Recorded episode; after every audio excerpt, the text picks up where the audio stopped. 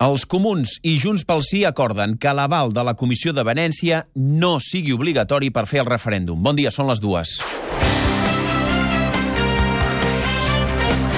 Catalunya migdia. Amb Òscar Fernández.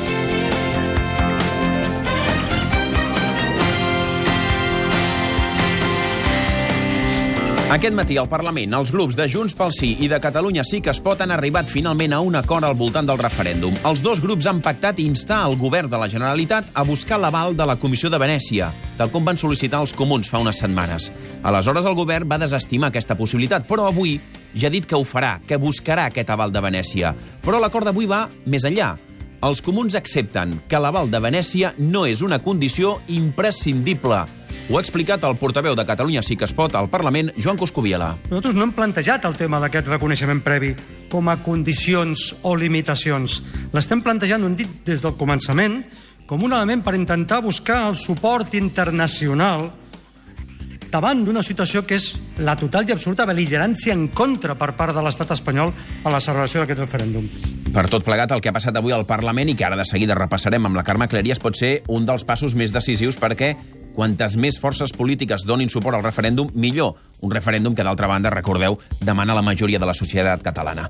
Fora de casa nostra, de Brussel·les, ens arriba una multa de 110 milions d'euros. Carlos Baraibar, bon dia. Bon dia. La imposa la Comissió Europea a Facebook per haver dit que no creuaria les dades dels seus usuaris amb les de WhatsApp durant el procés de compra d'aquesta companyia. Sí, quan es va consumar la compra de WhatsApp per part de Facebook, Facebook va creuar, efectivament, les dades d'usuaris, tot i que no havia informat a les autoritats que podria fer-ho. La comissió la considera, doncs, responsable d'haver donat informació enganyosa. Brussel·les, Albert Elfa, Facebook ja ha dit que accepta la multa. Facebook accepta la multa inferior a l'establert per a aquests casos i espera que es posi punt i final d'aquesta manera amb aquest contenciós. La Comissió Europea, però, no descarta obrir noves investigacions per possibles incompliments de les normes de privacitat i protecció de dades dels consumidors. Recordem que WhatsApp i Facebook s'havien compromès a no compartir dades personals dels seus usuaris, cosa que no van complir. I sobre les cues al control de passaports de l'aeroport del Prat, segons ha pogut saber Catalunya Ràdio, una de les solucions serà l'arribada d'una cinquantena de nous agents, ho va anunciar ahir Enric Milló, però els que vindran són agents acabats de graduar a l'Escola de Policia d'Àvila. Els envien a Catalunya perquè és el seu primer destí i és obligatori, no s'hi poden negar. Sí, això ens ho ha explicat a Catalunya Ràdio el secretari general del Sindicat Unificat de la Policia, Luis Mansilla. Estos agentes van a salir de una nueva promoción de funcionarios de policía que van a jurar. El destino saldrán las plazas, esas plazas al ser primer destino es obligatorio y tendrá que venir sí o sí, o sea, que lo amortiguarán por allí. Aparte de que ya están formando a otros funcionarios de otras comisarías locales para estos menesteres. Tendran que venir sí o sí, perquè si recordeu, una de les explicacions que hi hagi aquest dèficit de policia nacional a Catalunya és que no volen venir o no s'hi volen quedar. Per això, aquests acabats de sortir de l'escola de policia obligatòriament hauran d'acceptar el destí que serà el de Catalunya. Per cert, el Catalunya al dia de Tarragona ha destapat aquest matí un desgavell que hi ha en els serveis funeraris a les comarques tarragonines. Segons hem pogut saber a Catalunya Ràdio, s'han donat casos de cotxes de difunts perduts o de càmeres mortuàries que no tenien refrigeració. Tarragona, Anna Rius, bon dia. Bon dia. La gestió funerària a la demarcació de Tarragona és tot un despropòsit. Segons ha pogut saber Catalunya Ràdio, hi ha hagut situacions rocambolesques. Cotxes de difunts perduts, com dèieu, perquè no els obrien les portes del tanatori, o una càmera mortuòria sense refrigeració que acaba fent malbé un cadàver. Ara una empresa funerària de la Conca de Barberà ha decidit denunciar el que consideren un boicot de les funeràries que controlen el sector. La queixa arribarà a l'Autoritat Catalana de la Competència.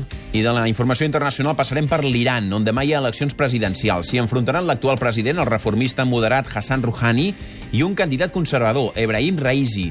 En ser una teocràcia on l'ayatollah mana més que els polítics, podríem caure en la temptació de creure que l'elecció de president podria ser irrellevant, però Montse Sánchez, enviada especial a Teheran, això no és així. Com es prenen els iranians aquestes eleccions? Bon dia. Els més mobilitzats són els seguidors de Hassan Rouhani, la majoria joves, moltes dones, volen impedir el triomf del conservador Raisi perquè el veuen com el retorn a l'aïllament internacional i a la pèrdua de totes les llibertats que han guanyat en els últims quatre anys. De tornada a casa nostra, aquesta nit l'Ajuntament de Barcelona ha fet recompte dels sense sostre que dormen als carrers de les ciutats. Se n'han comptabilitzat 1.026, un 80, uns 80 més que l'any passat. L'Alin, per exemple, és un jove romanès que porta un any i mig vivint sota un pont a Badal amb tota la seva família. a recoger cosas de, que nos da la gente, me llama, a veces va a trabajar y todo, chatarra, cobre, que sea, para buscar la vida, para no ir a robar, para no hacer problema mala. De la cultura hem de parlar de la mort d'un dels referents de la música grunge, el cantant de Soundgarden i Audioslave, Chris Cornell, que tenia 52 anys només. I també un avís als usuaris de Spotify, Netflix, Canal Plus o plataformes d'aquesta mena. A partir del 2018 podreu accedir als vostres comptes des de qualsevol país de la Unió Europea. Sí, això sí, només es podrà accedir als comptes si som en altres països de manera temporal per protegir, per exemple, els drets d'autor territorials que estan en vigor, per exemple, en països com França. Vaja, si us aneu de vacances a França, a Alemanya, a qualsevol país de la Unió Europea, podreu veure, per exemple, les televisions que teniu contractades a casa vostra a través de Movistar, per exemple, o també a través de Spotify, Netflix, etc etc. A dos quarts i cinc de tres serà el temps de la informació de territori. Ja hem passat per Tarragona. Anem ara a Girona, Fèlix Martín. Renovació total del pont de ferro per on passa el tren que travessa Colera a l'Alt Empordà i que fa més de 130 anys que es va construir als tallers Eiffel de París. Segons ha pogut saber Catalunya Ràdio, Adif invertirà 2 milions d'euros per posar-lo al dia i, entre altres, reduir el soroll que fan els trens quan hi passen. Anem a Barcelona, Quim Balaguer. Els Mossos d'Esquadra han evitat un matrimoni forçat entre una noia de 19 anys i un home de 32 que s'havia d'haver celebrat dissabte a Vilanova i la Geltrú, al Garraf. La jove de nacionalitat espanyola, però d'origen marroquí, va ser la que va denunciar els fets a la policia. I acabem avui a Lleida, Noelia Caselles. On l'exalcalde de Sunyer, el Segrià, haurà de pagar 74.000 euros d'indemnització a la família d'una nena que va morir en un solar de la seva propietat. Li va caure a sobre un tub de formigó mentre jugava.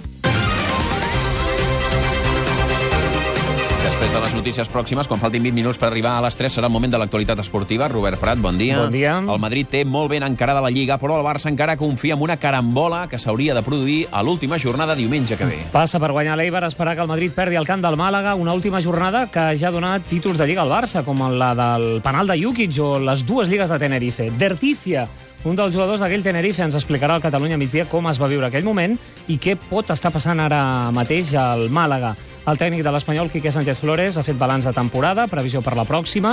L'entrenador del Nàstic, Juan Merino, acaba de presentar la dimissió ara mateix.